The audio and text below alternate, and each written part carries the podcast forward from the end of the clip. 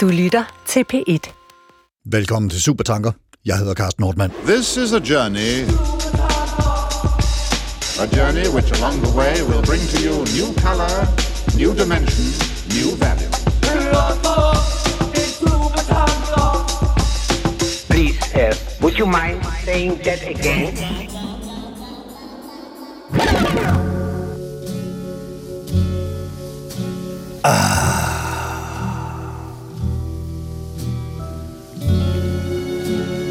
Let those I don't care days begin. I'm tired of holding my stomach in. You can throw all my tranquil pills away. Let my blood pressure go on its way. Cause my autumn's done come. My autumn's done come. Done come.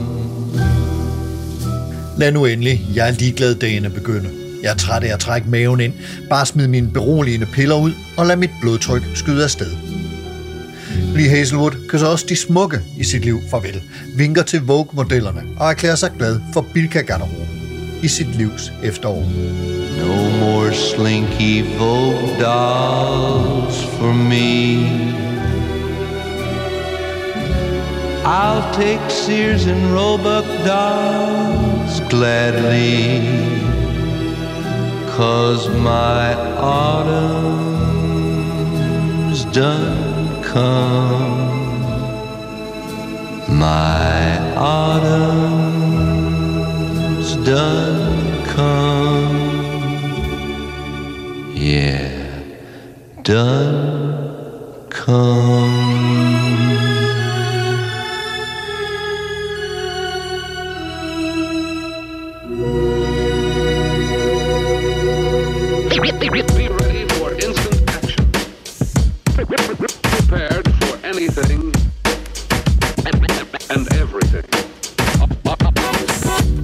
Lee Hazelwood blev født i 1929 og døde i 2007, 78 år gammel.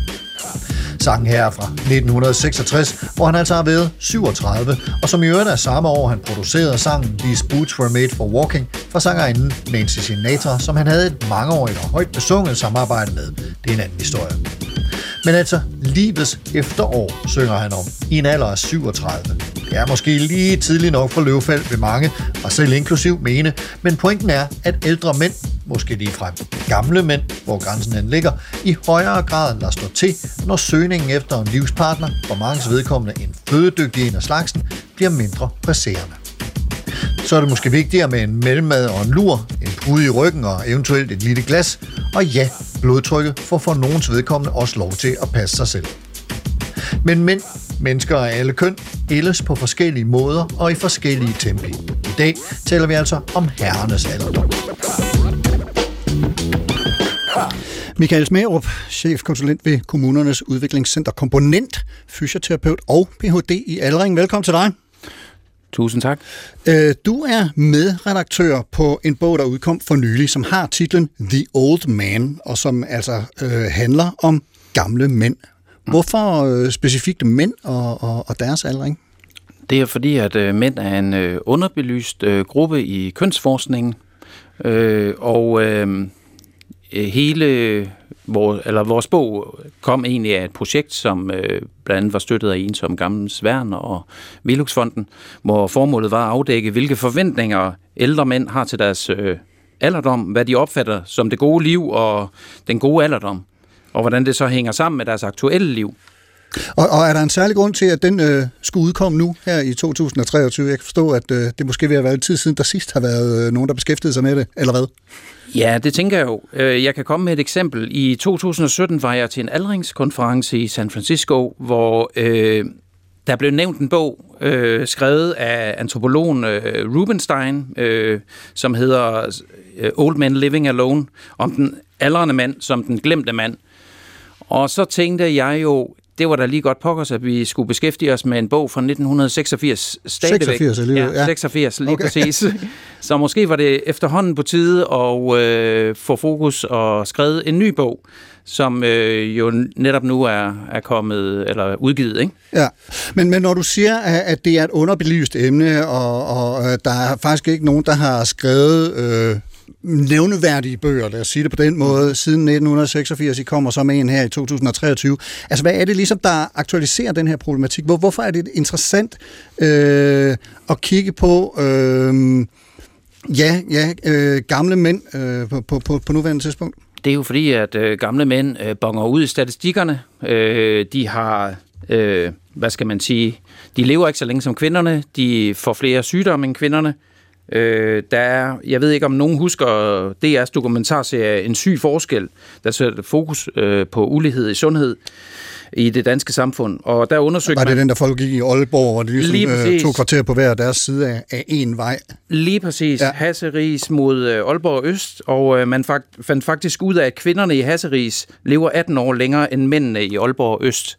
Okay, 18 Så, år, det er alligevel ja. også en... Ja, Ja, det er alligevel en del. Så øh, med andre ord, så øh, der er en social gradient i det her. Ja. Øh, mændene har til synlædende sværere, øh, har det sværere generelt set, og øh, blandt andet går det heller ikke så meget til læge, som, som kvinderne Nej, det er, jo en, gør. det er jo en gammel sandhed, ja. ja. ja.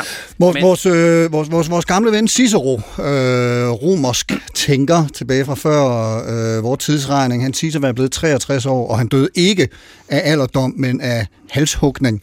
Men altså, han er citeret for at have sagt, alderdommen, især en alderdom fuld af hæder, har så stor anseelse, at den er mere værd end alle ungdommens glæder.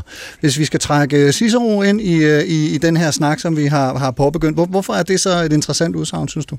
Ja, det er jo interessant, fordi netop dom kan have forskellige betydninger. Det kan opfattes både øh, positivt og negativt afhængig af sammenhængen.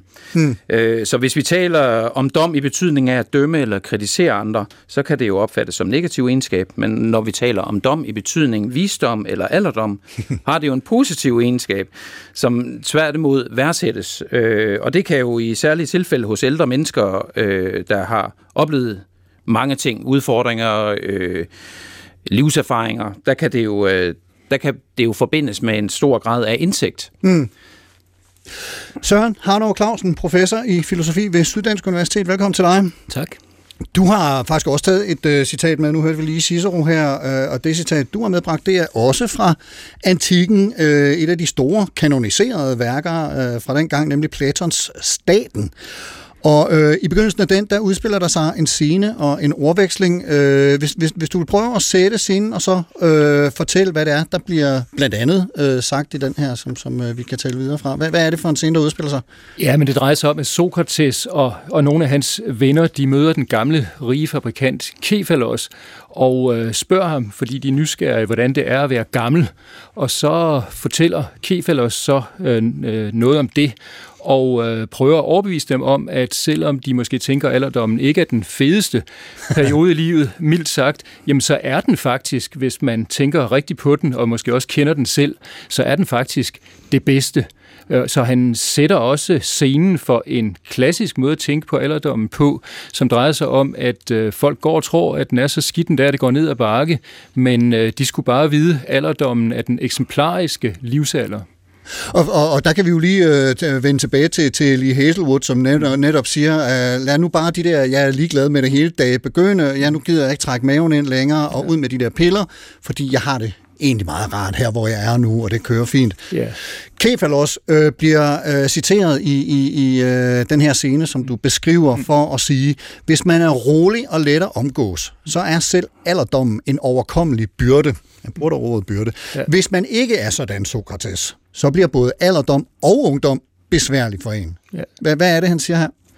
Ja, man siger noget, som man faktisk genfinder lidt i moderne aldringspsykologi, i moderne teorier om aldring. Ikke? Altså han siger, at alderdommen kan være en byrde. Han siger også, at den nok under omstændigheder vil være lidt af en byrde, men den kan blive en meget stor byrde, hvis man insisterer på fortsat, altså også med alderen, at leve livet for fuld skrue, øh, og så, ja, så kommer man også til at gå andre på nerverne, og så, øh, så går det ikke godt for en selv. Men hvis man formår at passe sig lidt til og sno sig og opføre sig ordentligt, hvad man næsten uværligt kommer til at lære, når man bliver ældre, så går det ganske godt. Og det er interessant nok noget af det, som moderne aldringspsykologi og empirisk aldringsforskning også peger på, at ældre øh, mange ældre faktisk klarer det forbløffende godt, øh, netop fordi, øh, selvom deres øh, fysiske ydeevne og til dels også kognitive færdigheder osv., de aftager med alderen, jamen så bliver de bedre til at tage det roligt. Det er også det, du var lidt inde på, Carsten. ja. Tage det roligt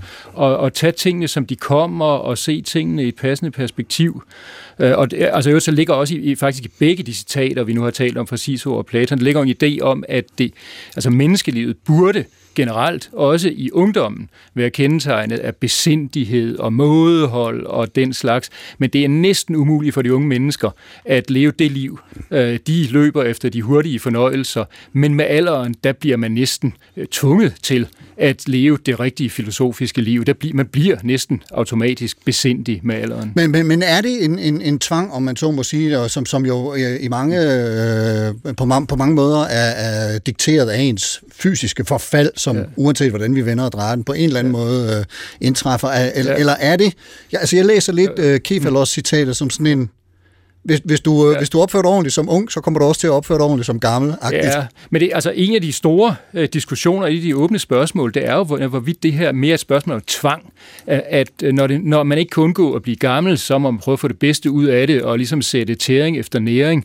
Eller øh, bliver livet virkelig bedre med alderen. Ikke? Altså nogen siger kritisk om den her klassiske alderdomstænkning, at den opreklamerer alderdommen urimeligt, og siger, at det er ligesom historien om øh, reven og rønnebærerne. Ikke? Altså reven sagde om rønnebærerne, fordi eller den kunne ikke nå dem, og så var de jo nok sure. Ja. Og det er lidt lige sådan, de her gamle tænkere, de siger om sex og karriere og magt og politisk indflydelse og kunne regne den ud og så videre. De, de siger, det er alligevel ikke så fedt, og det gør de ikke, fordi de ikke gerne vil det stadigvæk, men fordi de ikke kan det. Okay. Øh, men jeg, jeg, jeg er ikke sikker på, om det er hele historien. Jeg tror, at der er noget, man kan i alderdommen, øh, ja. som ikke bare er resignation og tilpasning. Og, og, og hvis vi så skal trække øh, den her øh, korte overveksling mellem Sokrates og Kefalos ind i, i en 2023-kontekst, at, at, altså hvad er det her citat, øh, har, hvad, hvad, hvad, hvilken gyldighed eller interesse har det for os øh, i dag i 2023? Altså det har jo interesse, fordi en god del af det er blevet bekræftet af den empiriske aldringsforskning, ikke? at der er måske faktisk nogle rimelige bud på, øh, hvordan man skal gøre og ikke skal gøre, hvis man skal lykkes nogenlunde med livet i alderdommen. Det rejser selvfølgelig også en masse problemer, fordi det, det er mere implicit i citatet, men altså de her, øh, den her klassiske alderdomstænkning, den er jo formuleret af nogle vældig privilegerede mennesker. Nu, og nu, ja. vi, taler, vi, vi, vi tillader os jo at tale om mænd i dag. Det, det, det må vi godt i dag. Det er mænd, det ja. handler om. Ja. Men, det, men, men, men de her mænd, det har jo, det har jo ikke været hvilken som helst øh, hvilke som helst mænd. Det har ikke Aalborg Øst, som nej, Michael var altså, på. Altså bare kort sagt, øh, sådan som slidgik for eksempel, var nok et mindre problem, hvis man øh, kunne lade sig bære rundt i bærestol hele tiden, som Siso nok har kunnet. Så, ja. ja. Øh, og og der, der er vi nok blevet lidt klogere på, at der er meget forskellige sociale betingelser, økonomiske betingelser, og også meget forskellige helbredstilstande i alderdommen, og det spiller en stor rolle. Ja. Det skriver de gamle ikke så meget om. Men, men, men Michael Smager, hvis du øh, skal, skal ligesom anlægge nogle af, af dine perspektiver på det her Kefalos Sokrates øh, overveksling. Øh, nu, nu fik vi lige trukket Aalborg Øst-analogien øh, ind igen. Mm. Hvad, hvad, hvad vil det så være? Altså, hvad, hvad tænker du om det her spænd mellem ens måde at gå til livet som ung, og så ens måde at gå til livet som gammel, og hvad det er for en, en, en udvikling, øh, der sker i, i, i løbet af, af de år, der, eller den tid, der går? Ja, altså det er i hvert fald vigtigt at tale om den her sociale gradient, der er ret vigtig i det her, og så dels er man så enlig eller samboende som, som ældre mand. Ja. Det er ret vigtigt at differentiere, fordi det er der, man, man ser de største udfordringer øh, komme op til overfladen. Ja, altså noget af det, som, som jeg øh, lige var omkring i, i øh, den korte introsekvens der, det var jo øh, også, at, at nogle mænd netop resignerer, når, når ikke længere de skal, hvad skal man sige, gøre sig lækre over for kvinder, som de gerne vil tilbringe resten af livet med, og muligvis øh, øh, øh, få nogle børn sammen med. Altså, er der, ser, ser vi øh, stigende tendenser til, at øh, hvad skal man sige, den resignation, den indtræder tidligere, øh, øh, eller sociale øh, komponenter, som, som, som betinger den resignation? Der er jo helt sikkert nogle øh, sociale komponenter, der, der er medvirkende til, at man resignerer. Ja. Øh, omvendt så kan man jo også se, at der også er en tendens til, at øh, øh, fædre bliver, øh, eller øh, mænd bliver ældre og ældre, og samtidig fædre med Al Pacino som en, en god, øh, godt eksempel på det. Er, er han blevet far i en sen alder? Det er simpelthen ja, røget hen over ja, hovedet på mig. 83 år. Du godeste. Ja. Ja, det må da sige, så vil jeg... Ja, interessant. Og øh, faktisk øh, netop øh, Al Al Pacino, øh, tror jeg, vi skal møde her lige om et øjeblik.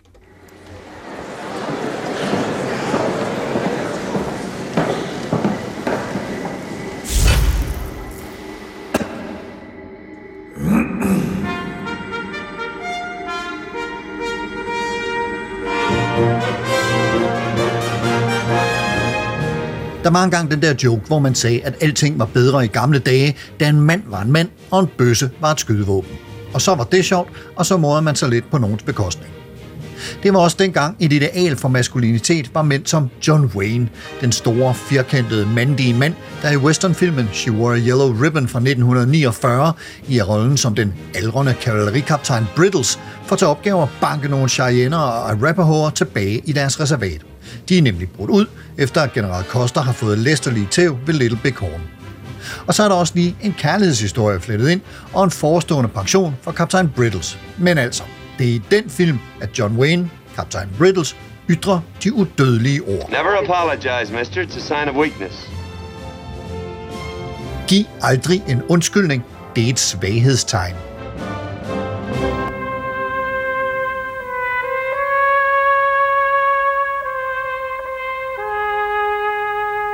Og hvis vi kigger os omkring i underholdningsbranchen, måske nærmere bestemt film- og tv-branchen, så er gamle, ældre, aldrende mænd portrætteret på adskillige forskellige måder. I den første Godfather-film ser vi hen mod slutningen, hvordan Don Corleone, spillet af Marlon Brando, den før så handlekraftige og magtfulde Peter Familias, læner sig tilbage i en tomatlund med et par glas rødvin på bordet, som hans søn Michael Corleone, Al Pacino, anbefaler ham at holde fast i, og hvordan han falder om med et hjerteslag, mens han leger sig fat med sit barnebarn. I like to drink wine more than I used to. Anyway, I'm drinking more. It's good for you, Papa. I spend my life trying not to be careless. Women and children can be careless, but not men. I work my whole life. I don't apologize to take care of my family. And I refused to be a fool. Dancing on the string held by all those big shots.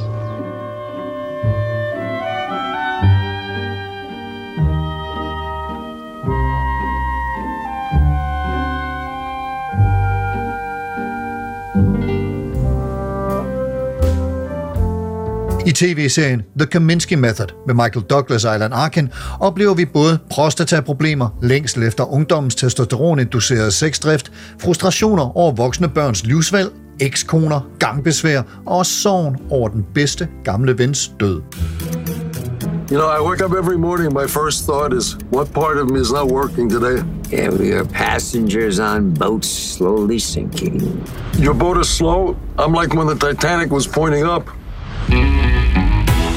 So how's your love life? You're still seeing, uh, what's her name, Trisket? Tristan and no. Oh, that's too bad. She was kind of cute. Well, we didn't have much to talk about. You know, she was half my age. Half your age is still an old woman. Listen to me. We're all scared because it's a scary fucking world. But we get through it because we're not alone. Who do I have? Me, you dumb shit. Look at my life. I'm a lot like you were. Og den helt store klassiker må vel være Ernest Hemingways roman Den gamle mand og havet, om titlens gamle mand, der alene i sin lille båd på Golfstrømmen kæmper en brav kamp med både en stor fangst og alle de omkringsvømmende rovdyr, der vil frarøve ham byttet. Den gamle mand, som til sidst drømmer om løver på stranden og elsker dem, som han elsker drengen. Men både litteraturen og de levende billeder har naturligvis også aldrende mænd, som egentlig er faldet sammen og har trukket sig tilbage, men som vågner til død og udviser ikke bare fordoms styrke, men også handlekraft og ofte en moden ædelhed af nu dengang de var unge, som ikke alle i deres omverden kender til. Det gælder blandt andet i den nyere tv-miniserie The Old Man med Jeff Bridges og John Lithgow i hovedrollerne som gamle CIA-agenter på hver deres side af en sag, hvor nogle af de mere fysiske strabasser naturligvis afføder alskens kvaler og besvær for den med alderen knap så adrette Bridges. We brought you in today to talk about some results. Wow. Looks like you recently underwent a full preventative screening here. Uh, You got physical, cognitive, and full labs. Don't usually do the cognitive without a request. Yeah, I requested it. Oh, okay. Um, are you experiencing any symptoms? Isn't that the nature of cognitive impairments, that you are cognizant of them? And not always. Well, not never either. No, I've not been experiencing any symptoms. I've been feeling more anxious, agitated, uh, maybe missing a few things. Is he there? Harper. Yeah. That's three. Any more you send at me, I'm sending back in bags. Anyone you send at my kid, I'm sending back in pieces. Do you recognize me now? Og folk som Clint Eastwood og Sylvester Stallone har også spillet roller, som trækker på deres efterhånden fremskredende alder, og hvad deraf følger af besvær, som må overvindes for at vinde kongeriget og hederen. Man kan samtidig få det indtryk, at nogle af den virkelige verdens aldrende despoter, lad os lade være med at nævne navn lige her, måske stadig lever i en verden, hvor John Wayne tegner billedet og rider heltemodigt ud i solnedgangen til tonerne af noget storladent.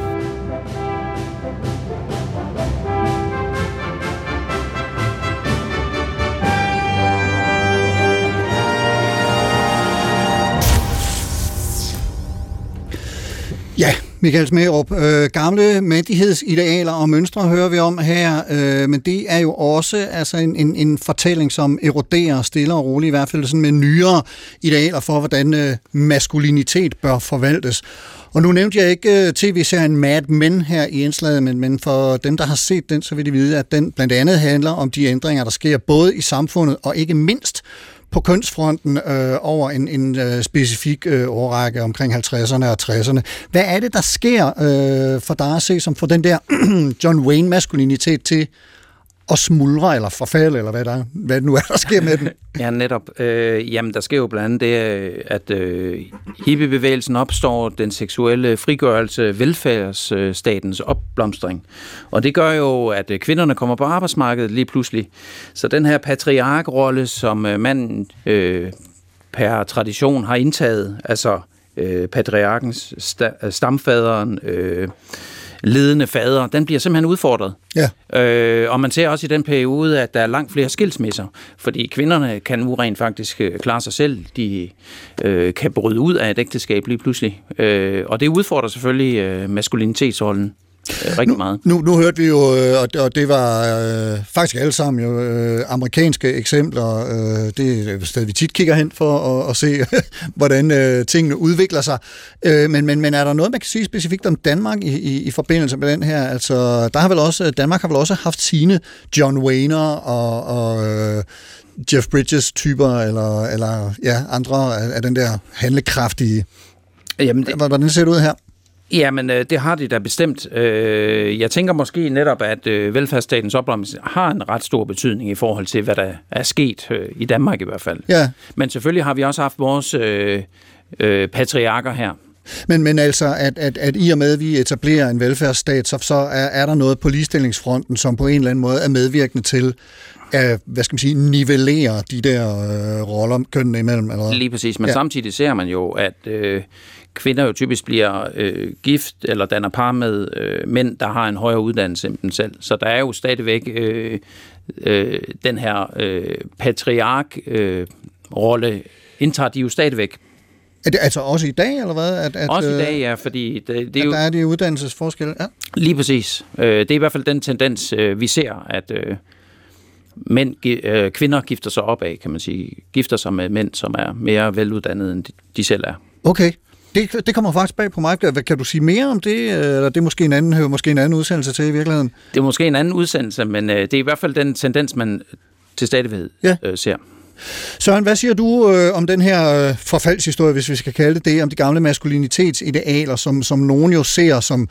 Altså, der er jo mange, der siger, men det var jo dengang mænd var galante og gentlemen og trak stolen ud og holdt døren og alt det der, men, men, men, men, men hvor den ligesom øh, ryger væk, og, og nogen sø, føler det som, nogle mænd øh, føler det som en, en form for anstød mod deres værdighed eller deres øh, rolle som mænd i verden. Hvordan øh, ser Ja. det ud fra din stol? Ja, men for det første, så ser det sådan ud, at det bekræfter lidt det her med, at den gamle, den antikke tænkning om alderdommen, om den gamle mand, stadigvæk er relevant, øh, for den kan måske også næsten forklare noget her, ikke? fordi det, det, det man bliver klar over i, i flere skridt, øh, i, i, eller er blevet klar over det sidste halve århundrede nok, det er vel, at den, øh, ja, den klassiske maskulinitet, øh, den er ikke bæredygtig, for at bruge et, øh, et lidt modrigtigt udtryk. Ja. Og, øh, og det er jo egentlig det, uden de br- bruger øh, det ord, det er egentlig det, de antikke tænkere er allerede inde på. Ikke? Altså, de taler jo for, at man skal finde en bæredygtig måde at leve på. Man skal ikke være så ud- udfarende, at det går ud over andre, og man skal ikke være så sej og prøve at være så stærk, at man ikke kan bære det følelsesmæssigt selv. Og det er vel nogle af de erfaringer, der, der er blevet gjort i de seneste årtier, ikke? at det, hvis man lever på de høje navler, som nogen gør i Mad Men for eksempel, så går det i, det første, i første omgang ud over andre. Man bliver sådan toksisk over for andre. Og i anden omgang, eller måske samtidig med det, så bliver man faktisk også toksisk over for sig selv. Man kan faktisk heller ikke selv bære det. Altså øh, slet ikke at vise sårbarhed for eksempel. Det viser sig at være meget, meget svært øh, og, og måske simpelthen skadeligt for mennesker. ikke Og, og vi behøver slet ikke at tale om højt alkoholforbrug og rygning. Den slags, der hørt til, til Mad Men. Øh, hvad hedder det? Livsformen. ikke Så vi, vi blevet klogere på, hvad der er bæredygtigt og ikke er bæredygtigt. Ja. Og jeg tror, at Platon og Cicero, hvis de stadigvæk øh, tænker med et eller andet sted fra, så tænker de, hvad sagde vi? Michael? Og lige en uh, kort bemærkning, uh, lige for at nuancere, hvad jeg sagde før. Der er jo også, man ser jo også den tendens på Danmarkskortet, at de uh, veluddannede kvinder søger mod storbyerne og efterlader de kortuddannede mænd i yderkantsområderne i Danmark, som så uh, omvendt har svært ved at finde uh, kvinder og, og få børn med. For, for, fordi ægteskabsmarkedet, hvis man kan tale om et sådan, det er simpelthen tørre ud. Lige præcis. Ja, Ja, lige ja. præcis. Og så lige i forhold til øh, det, du sagde, Søren, omkring øh, den toksiske øh, maskulinitet. Ja, den er jo figureret længe, men den fik sin øh, genfødsel i forbindelse med valget af Donald Trump og øh, MeToo-tingen. Og, og, og lige præcis det, det kommer vi faktisk ind på øh, ja. Om et øjeblik, så lad os ja. Lige gemme den. Men jeg kunne egentlig godt tænke mig øh, det her med maskulinitetsidealerne, som, som på en eller anden måde eroderer, eller øh, øh, bliver, bliver, bliver beskudt på forskellige måder øh, over for det her galante, gentleman-agtige. Altså, det- det bliver tit sat op som sådan en en, en modsætning mellem noget værdighed og noget ynkelighed. Mm. Øh, har, har, har du øh, en, en kommentar til den øh, opstilling? Jo, altså værdighed er vel traditionelt blevet forstået, lidt som det faktisk bliver sagt i, i det Cicero-citat, I nævnte, som noget, man, man som mand skal gøre sig fortjent til ved at have kæmpet og ydet. Og, øh, og der bliver vel egentlig også underforstået, at man, man beholder kun sin værdighed, hvis man stadigvæk er i stand til at kæmpe, og i hvert fald i stand til at holde masken. Ikke? Og det er jo så det, der har vist sig at være meget, meget vanskeligt på moderne vilkår. Men, men er alternativet ynkeligt? Nej, det er det så heldigvis ikke. For det, og nu, nu, det er ikke, fordi jeg skal være den store apologet, altså forsvar for den her klassiske tænkning. Den har virkelig også sine problemer. Ja. Øh, men, øh, øh, hvad hedder det? Men, men, men, men den peger trods alt på, at man kan godt opretholde en vis værdighed, uden i hvert fald, øh, hvad skal man sige, øh, ja, mens man er gammel, øh, at være så udfarende og så, hvad skal man sige, som udleve styrke og den slags. Altså, der findes en roligere måde at øh, leve værdigt i alderdommen på. Det, det siger de gamle jo. Om det så øh, passer med det, vi kalder øh, en ynkelig måde, eller sådan en skvattet måde at være gammel på, det gør det jo helt klart ikke. Men, øh, men, men, men det viser, at der er, nogle, der, der altså er virkelig nogle forskellige måder at leve værdigt på. Mm. Altså, den, den her scene, vi hørte fra The Old Man med Jeff Bridges, som er ved lægen, øh, der, der bliver han jo faktisk fremstillet lidt som en, en, en, en lidt en gammel stakkel, i hvert fald af den der unge øh, lærer, og man kan sige, ja. hele, hele, læge, hele, hele serien starter faktisk også med en scene, hvor, hvor Jeff Bridges må stå op tre gange i løbet ja. af natten for at stå og drøbe lidt over WC-kummen, og, ja. og, og det, det kører sgu ikke rigtigt for ham der. Øh, Michael, du øh, markerer. Ja, men øh, det var også, igen for lige at nuancere det her med den stakkels mand, eller ja, ja. Den, øh, stærke mand. Mm. Øh, statistikken siger jo en ting, at øh, det ser faktisk ret ynkeligt ud for de her mænd, men vi var jo så i vores projekt ude og interviewe 40 enlige boende, kortuddannede mænd, og det viser jo faktisk, at mange af dem klarede sig rigtig godt. Så der er flere nuancer øh, i det her, end vi sådan umiddelbart lige tror de oplever ikke sig selv som forfaldende. Nej, Nej. ikke umiddelbart. Ja. Nej, men, altså, det, det er jo ikke bare gamle filosofiske skrøner, ja. der, siger, der siger, at alderdommen ikke er så slem, som folk går og tror. Det er der faktisk øh, empirisk belæg for, hvilket så ikke betyder, at, ikke, at, at alderdommen ikke er slem for nogen, øh, for en, en, del øh, ældre mennesker. Men, men, men øh, jeg synes, det, det vi taler om her, måske også dit eksempel med Jeff Bridges for eksempel, viser vel meget godt, at selvom de klassiske maskulinitetsidealer, eller det klassiske maskulinitetsideal, er kommet under pres for længe siden, og måske næsten blevet skubbet lidt øh, til side, så øh, er det jo stadigvæk stærkt, eller det, hvad skal man sige, det lever jo stadigvæk i folks måde at tænke om sig selv og hinanden på, øh, og, og det, er vel, det er vel den spænding, der næsten om noget er en udfordring for den gamle mand i dag, ikke? Det er, at det gamle ideal, det er ligesom udtjent, men, øh, men man kan ikke skille sig af med det. Øh, det og, og, og ja, det er også noget af det, jeg min egen empiriske forskning har kunne se, at mm. ældre mænd slås med, ikke? Altså, egentlig gider de måske ikke rigtigt det klassiske mandideal, og de kan heller ikke, men de føler sig alligevel presset til at efterleve det på en eller anden måde. Altså det er der, hvor de hellere vil have en pude i ryggen og en mellemad. Det vil de egentlig, ja. men, men altså jeg har for eksempel set på plejecentre ældre mænd, som fortsat prøver at drikke alkohol. De, det er ikke fordi, de egentlig ønsker det, tror jeg. Det er, ikke, fordi de, de, de ønsker, det er ikke fordi, de ønsker rosen. Det er ikke fordi, de ønsker smagen, men de vil gerne være sådan en, som drikker noget alkohol, fordi sådan er en rigtig mand. Og det er ikke så let. Ja, og jeg vil gerne øh, istemme. Det er fuldstændig rigtigt, hvad Søren siger, og der er også alt det her med kroppens forfald, ikke? Altså, egentlig ville de måske gerne øh, læne sig tilbage, men omvendt så er en stor del af deres identitet forbundet med at være fysiske og være stærke.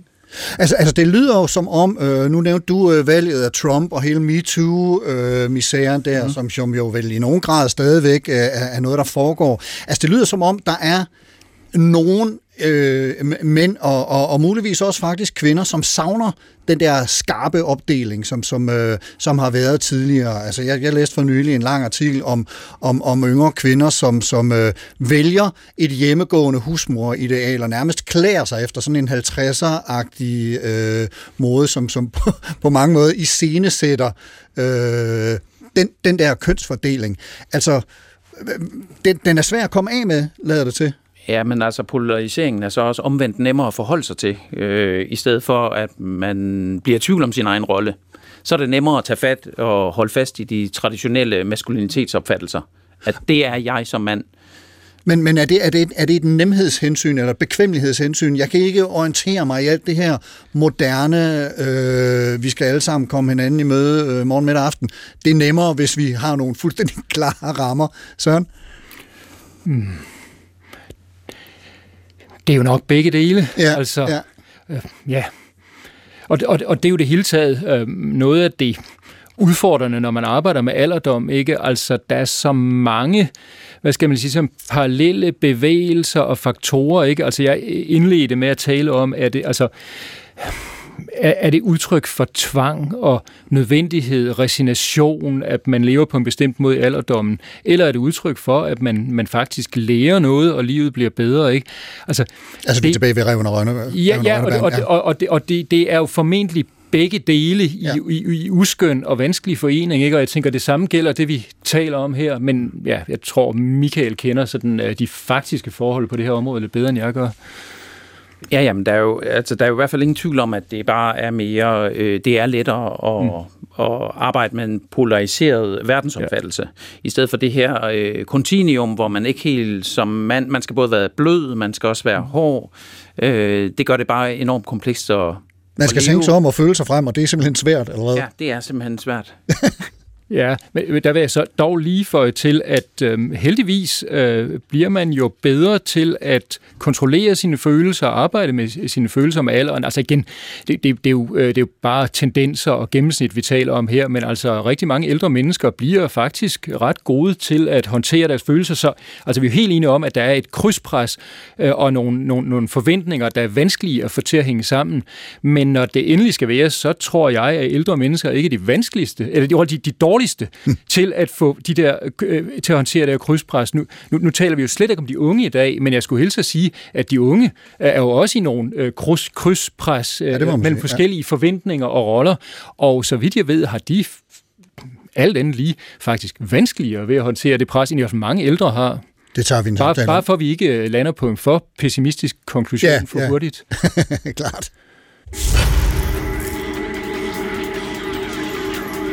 Den største udfordring ved at være mand i dag, kan man sige, er, at der er kommet helt nye betingelser for det at være mand.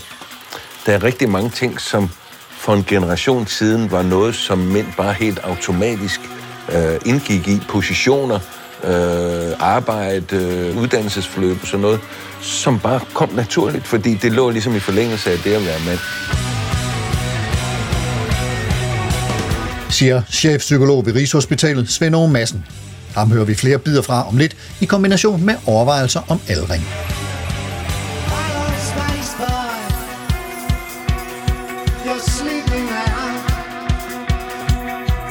Der er mange grunde til at elske David Bowie, men som faldt ned på jorden, og som udover at skabe stor musikalsk kunst, også har reflekteret og udtalt sig om alskens aspekter af livet, herunder om det at blive ældre. Bowie har sagt, Aging is an extraordinary process where you become the person you always should have been. Aldring er en helt særlig proces, hvor du bliver til den person, du altid skulle have været. Jeg har selv tidligere udbredt mig her i æderen om min glæde over med alderen at have oplevet, erfaret, læst, lært tilpas meget på kryds og tværs til, at der begynder at tegne sig mønstre, helheder, som tillader et mangefacetteret og nuanceret syn på verden og livet. Om det så er den person, I always should have been, det vil alle andre om at vurdere, men jeg oplever i hvert fald personligt en glæde ved den allerstene indsigt.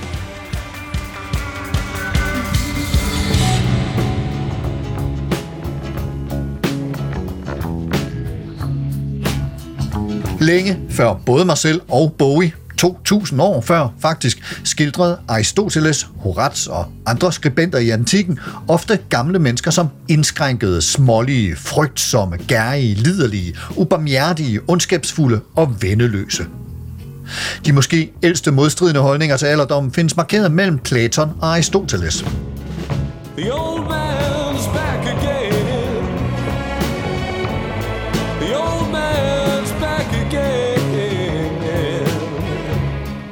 Platon hæftede sig ved alderdommens muligheder. Den idealiserede alderdom præget af erfaring og visdom. Enkelte andre filosofer, f.eks. Cicero og Seneca, havde tilsvarende syn. Aristoteles derimod fremhævede alderdommen som en tilstand af svækkelse, psykisk og fysisk forfald. Det er ikke produktivt at gå rundt og mærke efter, hvordan man har. Og det er sådan en umiddelbar reaktion, kan man sige, som, som mænd har, har, har været vant til, fordi at øh, mange af de opgaver, de skulle løse i deres liv, i arbejdet, har det aldrig været nogen god idé, at de delte tanker og følelser med andre. Det har været en fordel, at de har skubbet bekymringer til side, ikke gået og mærket efter, hvad føler, hvordan har jeg det nu, men har handlet. Når de har stået på fiskekutteren, når de har bygget Eiffeltårnet, når de står og kører som langtogschauffør, så er det ikke produktivt at gå rundt og mærke efter, hvordan man har det. De negative stereotyper overlevede ved etableringen af de ældre som en særlig kategori i medicinsk og psykologisk litteratur i 1800-tallet. Datidens statistikere forudsatte fejlagtigt, at aldersgrænser kunne defineres ud fra biomedicinske kriterier. For eksempel erkendte man ikke hjernens reservekapacitet og mulighederne for at træne hukommelsen. I en tidligere Supertanker-udsendelse har vi talt om den franske filosof Pascal Bruckner, som blandt andet har sagt, Lang levetid er ikke blot en ophobning af år, det er en radikal ændring af vores forhold til livet.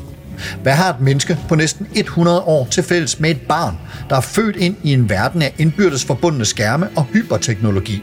Hvad har jeg til fælles med mig selv, det menneske jeg engang var, og det menneske jeg er blevet til? Ikke andet end et ID-kort. Jeg kommer til at tænke på fortællingen om Theseus' skib, hvor de enkelte skibsplanker blev udskiftet en af gangen som en del af den løbende vedligeholdelse. På et tidspunkt var alle plankerne udskiftet. Var det så det samme skib? Udover navnet og kaptajnen. Og man kan også trække en kvinde ind i denne udlægning af alder, og ikke mindst alder for mænd, nemlig Simone de Beauvoir, som i 1970'erne skrev La Force de l'Age, og her blandt andet sagde, en begrænset fremtid og en fastfrossen fortid, det er, hvad de ældre må se i øjnene. Ofte paralyserer det dem. Alle deres planer er ført ud i livet, eller er droppet, og deres liv har lukket sig om sig selv. Der er ikke noget, der kræver deres tilstedeværelse. De har intet overhovedet at gøre. The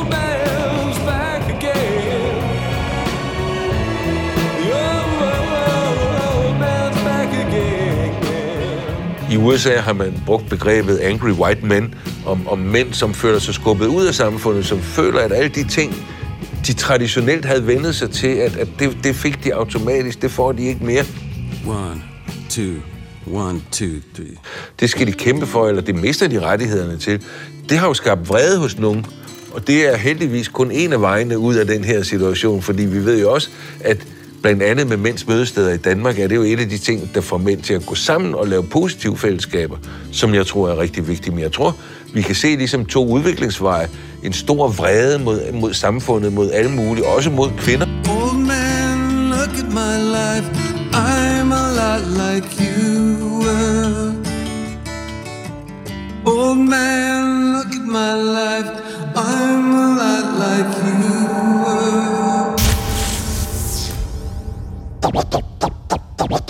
Would you mind saying that again? Og det hører med her at sige, at de klip, vi hørte med Svend Aage Madsen, er fra DR-serien Mandefald. Vores køn og kønsroller er og bliver samtaleemner, og de er samtaleemner, der kan spredes ud på andre inddelinger. For eksempel alder. Drenge og piger, mænd og kvinder, gamle mænd og gamle kvinder. I de senere år, mens identitetspolitik er blevet et hyppigt samtaleemne, er en befolkningsgruppe i stigende grad begyndt at omtale sig selv som offer for en tidsånd. Den gamle mand, faktisk nærmere bestemt den gamle hvide mand, som traditionelt set har siddet på magten, udlevet patriarkatet, haft patent på handlekraften og initiativet, i hvert fald udadtil, bliver problematiseret flere steder som type i vores moderne verden. Så taler man om den hegemoniske maskulinitet, den toksiske maskulinitet, runkedoren, men man taler også om nissen og bløddyret. Og Michael Sværup, Michael Smerup, som øh, redaktør på den her nysudgivende antologi The Old Man, kan du øh, prøve at, at, at, at give os en eller anden form for indblik i nogle af de her øh, karakteriseringer, hegemonisk, toksisk, runkedor, næse, bløddyr osv.? Hvad, hvad, hvad, hvad er dine ord knyttet til dem? Gerne. Øh, runkedoren, det, er jo, øh, det refererer jo til den her gamle hanelefant, der går ud på, øh, bevæger sig væk fra flokken og øh, bevæger sig ud på prærien og lægger sig til at dø et eller andet sted. Og hvis vi skal lave nogle øh, referencer til øh, den ene gamle mand øh, i en dansk kontekst, så handler det jo om, at øh, man har typisk øh, svært ved at søge læge. Man er ikke særlig god til at bede om hjælp. Vi kender jo alle... Øh, øh, den, det her begreb, der hedder mandeinfluenza også, at ja. man typisk også får det meget Ja, dårligere. væsentligt voldsommere, ja. Ja, lige præcis. Så det handler om, at øh, mændene simpelthen har brug for et skub øh, for at komme til læge. Øh, de er jo karakteriseret ved, at de øh, har en højere dødelighed, de får flere øh, sygdomme, de responderer også dårligere på interventioner fra sundhedsvæsenet, for eksempel i forhold til rehabilitering, øh, medicin, compliance, de er simpelthen øh, dårligere til at intervenere med sundhedsvæsenet. Men, men bliver runkedor ikke også brugt om mænd, som, som, som netop søger at fastholde en eller anden form for, for tidligere øh, power? Og, og, og netop den der, som du siger, nej, jeg har ikke brug for nogen hjælp. Jeg skal nok øh, finde ud af det her selv. Jeg går bare herover. Det er, og det er jeg fuldstændig enig med dig i, at der ja. refererer man igen til den her traditionelle maskulinitetsopfattelse, at jeg har ikke brug for hjælp, jeg er stærk nok i mig selv, jeg har ikke brug for hjælp fra for eksempel min partner. Runkedoren, Søren Harnov Clausen, har du... Ja, bare for, bare for at supplere, så, så vidt jeg husker, øh, hvad øh, ronkedor betyder netop det i dyrenes verden, ikke? når vi taler, om, taler bogstaveligt om hanelefanter, så, så er det jo øh, hanelefanter, som ikke længere kan øh, vinde i magtspillet, for eksempel spillet om, om hunderne, og ikke kan alt det der, men, øh, men alligevel fastholder et forsøg og går og brøler og stønner og proster og, og, og, og så gerne Markerer sig. ja, øh, og, og, og stadigvæk for enhver pris gerne vil, men ikke kan. Og, og den type mand findes jo også, og vi har allerede snakket en del om den type mand faktisk, at det er ikke så let, men, men en, en rolle, mange mænd bliver presset ind i. Jeg skulle hilse sige, at jeg har set ganske mange ronkedorer på plejecentrene, altså de, de typer, jeg talte om, som insisterer på, at de skal have deres øl, selvom de ikke kan tåle dem, ikke kan få dem ned. Øh, det er jo egentlig en slags moderne, eller en slags ronkedor på plejecenter. Ja, ja. Ja. Hvis, hvis, hvis, øh, så ved jeg ikke, så, så nævnte jeg bløddyret. Jeg ved ikke, om det bor lige ved siden af, eller om det er helt over i den modsatte grøft. Øh, Michael, har du et bud på det? Jo, det har jeg jo sådan set, fordi når man taler om toksisk øh, maskulinitet, så har man så også på den anden side af kontinuum det, der hedder basisk maskulinitet. Altså øh, manden, der aldrig hæver stemmen. Øh, hans bedste selskabshistorie er om et surdrejsbrød, øh, brød, han vil, vil hjem og bage. Ja. Så det kan man sige, det er den anden del af kontinuumet. Det, der er interessant omkring de her øh, maskulinitetsformer, øh, det er jo, at øh, det varierer. Og øh, sociologen øh, Raven øh, Connell øh, taler om det her hegemoniske maskulinitetsbegreb. Ja, Og det, det fik også om- Hvad er det? Ja, det handler egentlig om, at, det, at maskulinitet er et plural, at der ikke findes en bestemt maskulinitet, øh, som bare er steady state. Det afhænger fuldstændig af kulturen, øh, tidspunktet, altså 2023 i det her tilfælde, hvordan øh, refererer man, og hvordan forholder man sig til det at være mand? Altså, vi, vi har, jeg har brug for lige at sige, altså hegemoni er, er, er jo et, et gammelt græsk ord for overherredømme. Kan, du prøve ligesom at flette det ind i, i øh, hvordan det uh, spiller en rolle i den her beskrivelse ja. af, af den måde at udleve maskulinitet på? Ja, men typisk, ja, det er fuldstændig rigtigt, at øh, typisk så refererer det jo til det her med manden som øh, øh, heteroseksuel, øh, at øh, han har løn, han har kontrol, han undertrykker kvinder i kraft af et tilhørsforhold. Øh, og igen øh, refererer det til den her mand som patriark. Ja. Er Nogle kommentarer til det hegemoniske her, Søren? Nej, ikke øh, rigtig øh, umiddelbart. Eller jo, øh, altså, øh, altså det, det er jo et, et virkelig klassisk ideal, at man, at man skal beherske sin tilværelse og beherske verden på en eller anden måde. Så på den måde kan man sige, at det, det klassiske mandideal, det er måske i virkeligheden en udmyndning af et endnu mere grundlæggende ideal. Ikke? Og, det er jo, s- og nu har vi snakket om, hvordan øh, det ideal kommer under pres og måske bliver sat til side øh, på det seneste. Og, øh, og, det- og det har jo også noget at gøre med, at man generelt øh, er blevet opmærksom på omkostningerne ved prisen, ved at ville beherske livet så meget. Ikke at tale om bæredygtighed, ikke? Ja. altså hege- hegemoni rimer ikke så godt på bæredygtighed. Nu nævnte Michael uh, Raven Connell som, som ophav til det her uh, hegemoniske maskulinitetsbegreb, og foran dig på bordet her, der ligger der en bog af en fyr, der hedder Norberto Bobbio, Ja. uh, som muligvis også kan, kan komme os lidt til assistance i uh, beskrivelsen af det her med aldring og, og uh, den gamle mand. Hvad, hvad, hvad kan Bobbio hjælpe os med? Jamen, Bobbio er fra det 20. århundrede eller 1900-tallet, ikke? Altså, hans bog er fra 1996, så det, den, den er sådan ret ny endnu, i hvert fald set med filosofisk Ja. tidsmålestok. øh, og, den, øh, og den er et modskrift til de her klassiske alderdomsforsvar, som vi talte om øh, i begyndelsen af udsendelsen. Øh, altså Bobbio har læst Cicero, han har læst Platon, og han kan ikke få det til at rime med sit eget liv. Altså han skriver øh, bogen, da han selv er oppe i 80'erne, øh, og han synes, at det er sådan set noget sludder, de gamle skriver. Øh, blandt andet så har han jo lidt ventet på, at visdommen skulle indfinde sig, og brikkerne ligesom skulle falde på plads i livet, og tværtimod noterer han sig, at man bliver bare næsten mere forvirret, mere orienteret orienteringsløs, end man har været. Og sådan set er det jo et meget øh, godt udtryk for en moderne eller senmoderne øh, alderdomserfaring. Ikke? Altså det går ikke op i en højere enhed, tværtimod.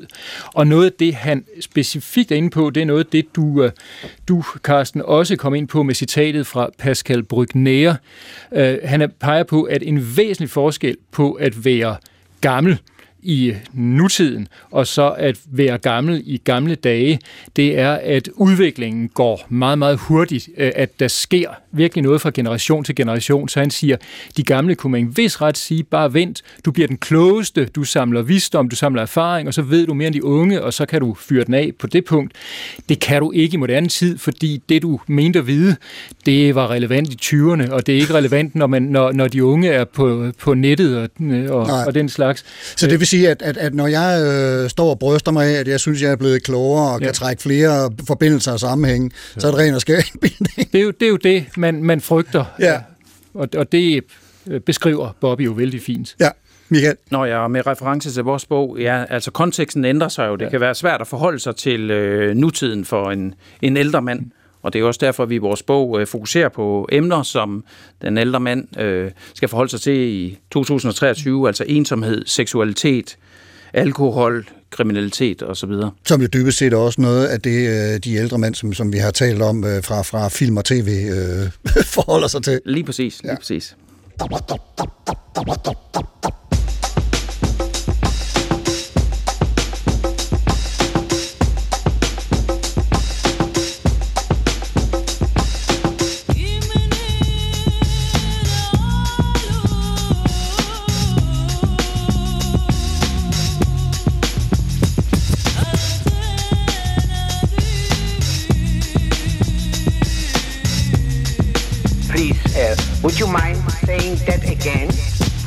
Thinking of a master plan. Supertanker, Michael, Søren og Karsten og Cicero og Platon, to antikke herrer, der begge havde noget at sige om alderdom, måske specifikt mandens alderdom, eller måske den gamle mand. Henover store dele af det, vi har talt om i dag, ligger begrebet værdighed over for ynkelighed, runkedor, bløddyr, hegemonisk, toksisk osv. osv. Nogle af de her maskulinitetsopfattelser, som er, men, men altså den her værdighed, som, som er sådan en idé, der bliver hævet frem i takt med, at folk bliver stadig ældre. Altså vi bliver jo simpelthen bare ældre, end vores øh, bedsteforældre gjorde, og måske øh, mister nogle af vores fysiske øh, fortræffeligheder. Og når de fysiske fortræffelighed begynder at forfalde, så synes visse mandetyper, at det er forbundet med noget statustab, noget tab af værdighed. Søren, hvis, hvis du skal øh, prøve at, at komme med et bud på, om man kan opretholde eller bevare sin værdighed i takt med, øh, at noget af det her forfald øh, uundgåeligt begynder at, at, at indtræffe. Har du så et bud på det, eller tænker du, at vi skal glemme alle idéer om det? Ah, trods alt ikke, men, men jeg vil sige, at øh, vi ved faktisk ikke nok om, hvad værdighed er. Altså, det er faktisk et begreb, som bruges rigtig, rigtig meget.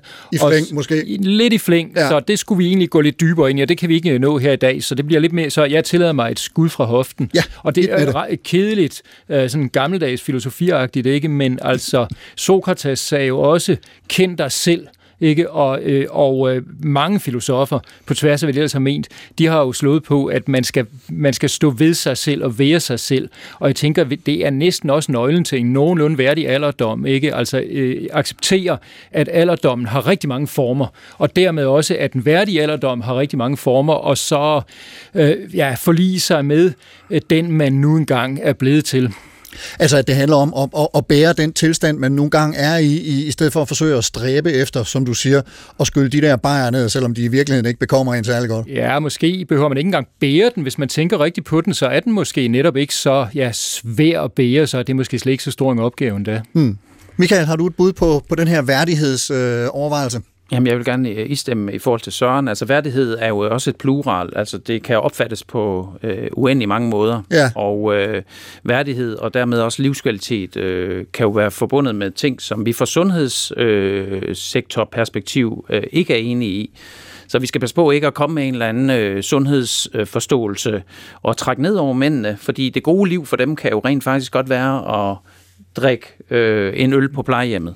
Og hvis man tager det fra dem, så øh, ja. ned, sænkes deres livskvalitet også. Så det er jo sådan lidt en balancegang. Ikke? Men er der noget, vi kan sige til nogle af, af, af de mænd, ældre mænd, gamle mænd, hvad de end måtte være, som oplever sig selv som forfaldende og ynkelige, og, og faktisk øh, synes, at det, det, er ikke, det er ikke værd værdigt øh, at leve videre. Jeg er blevet en, en, en patetisk gammel stodder, øh, og, og, og jeg synes bare, at jeg er til last for alle mulige andre. Har, har, har vi øh, en eller anden form for opmuntrende øh, ord til dem? Jeg synes jo, at øh, vores undersøgelse igen refererer til, at de faktisk har det bedre, end vi, vi umiddelbart øh, forventede. Ja. Og øh, der er altså et øh, kæmpe netværk derude, som de skal forsøge at trække på, øh, for der er andre, der har det som dem. Øh, så kan man jo referere til mænds øh, mødesteder i forhold til Svend O. Madsen, chefpsykologen, som vi refererede til tidligere i programmet, som ja. jo rent faktisk laver en masse interventioner rundt omkring i landet, tilbud til de her Ah, øh, det er skal til i sådan noget fokusgruppe nu, eller hvad? Nej, vi taler simpelthen om, at mænd er rigtig dårlige til at komme ud ja. af deres øh, fire vægge. Øh, ud og møde andre mænd. Ja. Øh, tal med nogen, som har det på samme måde som dig selv. Præcis. Søren? Ja, og hvor meget man lægger andre til last, det er også, i hvert fald også et åbent spørgsmål, der faktisk tyder meget på, at man som gammel ikke lægger samfundet så voldsomt meget til last. Der er noget med, at de lidt øh, yngre ældre, de, øh, de brænder noget af og den slags, men, men, men faktisk er gamle ikke, de, eller det er ikke nogen, der tærer så meget på samfundets ressourcer. Okay, så det er, det er ikke en ældre byrde, som nogen øh, på et tidspunkt har, har op, omtalt den? Ikke så entydigt, men det er jo, det er jo også et stort spørgsmål, den her såkaldte ældre byrde. Ja, det skal vi passe på med at tage hold på nu, fordi vi har ikke mere tid. Det var supertankerne for i dag. Øh, vigtige tanker. Og hvis du også synes det og har brug for at genhøre nogle af dem, så kan det, som altid, lade sig gøre i DR Lyd, hvor der også er mulighed for at genhøre en masse andre supertanker samtaler. Og selvfølgelig også der, hvor du ellers finder stream og podcasts.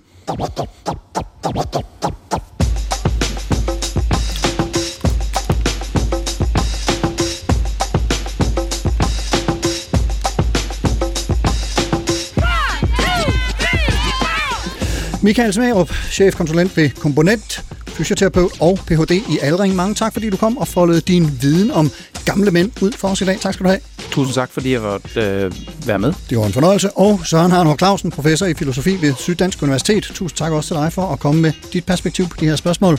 Og også tak for, at jeg måtte være med. Og naturligvis som altid tak til dig, kære lytter, for at lytte med i Cyber Superverset på Facebook-siden Carsten Nordmann Radio og på Instagram og LinkedIn under Carsten Nordmann kan man se et billede af de medvirkende og kommentere og sende ris eller ros og finde anbefalinger fra gæsterne og en musikplayliste fra programmet. Og hvis man ikke metaverserer på de sociale medier og gerne vil kommentere på noget alligevel, så kan man skrive på mailen supertanker Og hvis du kan lide, hvad du hørte, så giv det endelig videre til venner og familie, unge som gamle og naturligvis af alle køn. Programmet i dag var tilrettelagt af mig. Jeg hedder Carsten Nordmann. Ha' en rigtig god uge på Genhør.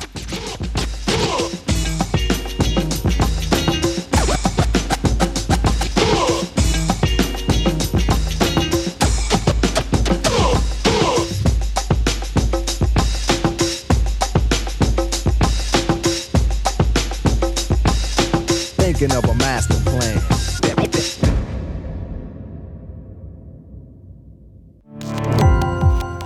Gå på opdagelse i alle DR's podcast og radioprogrammer. I appen DR Lyd.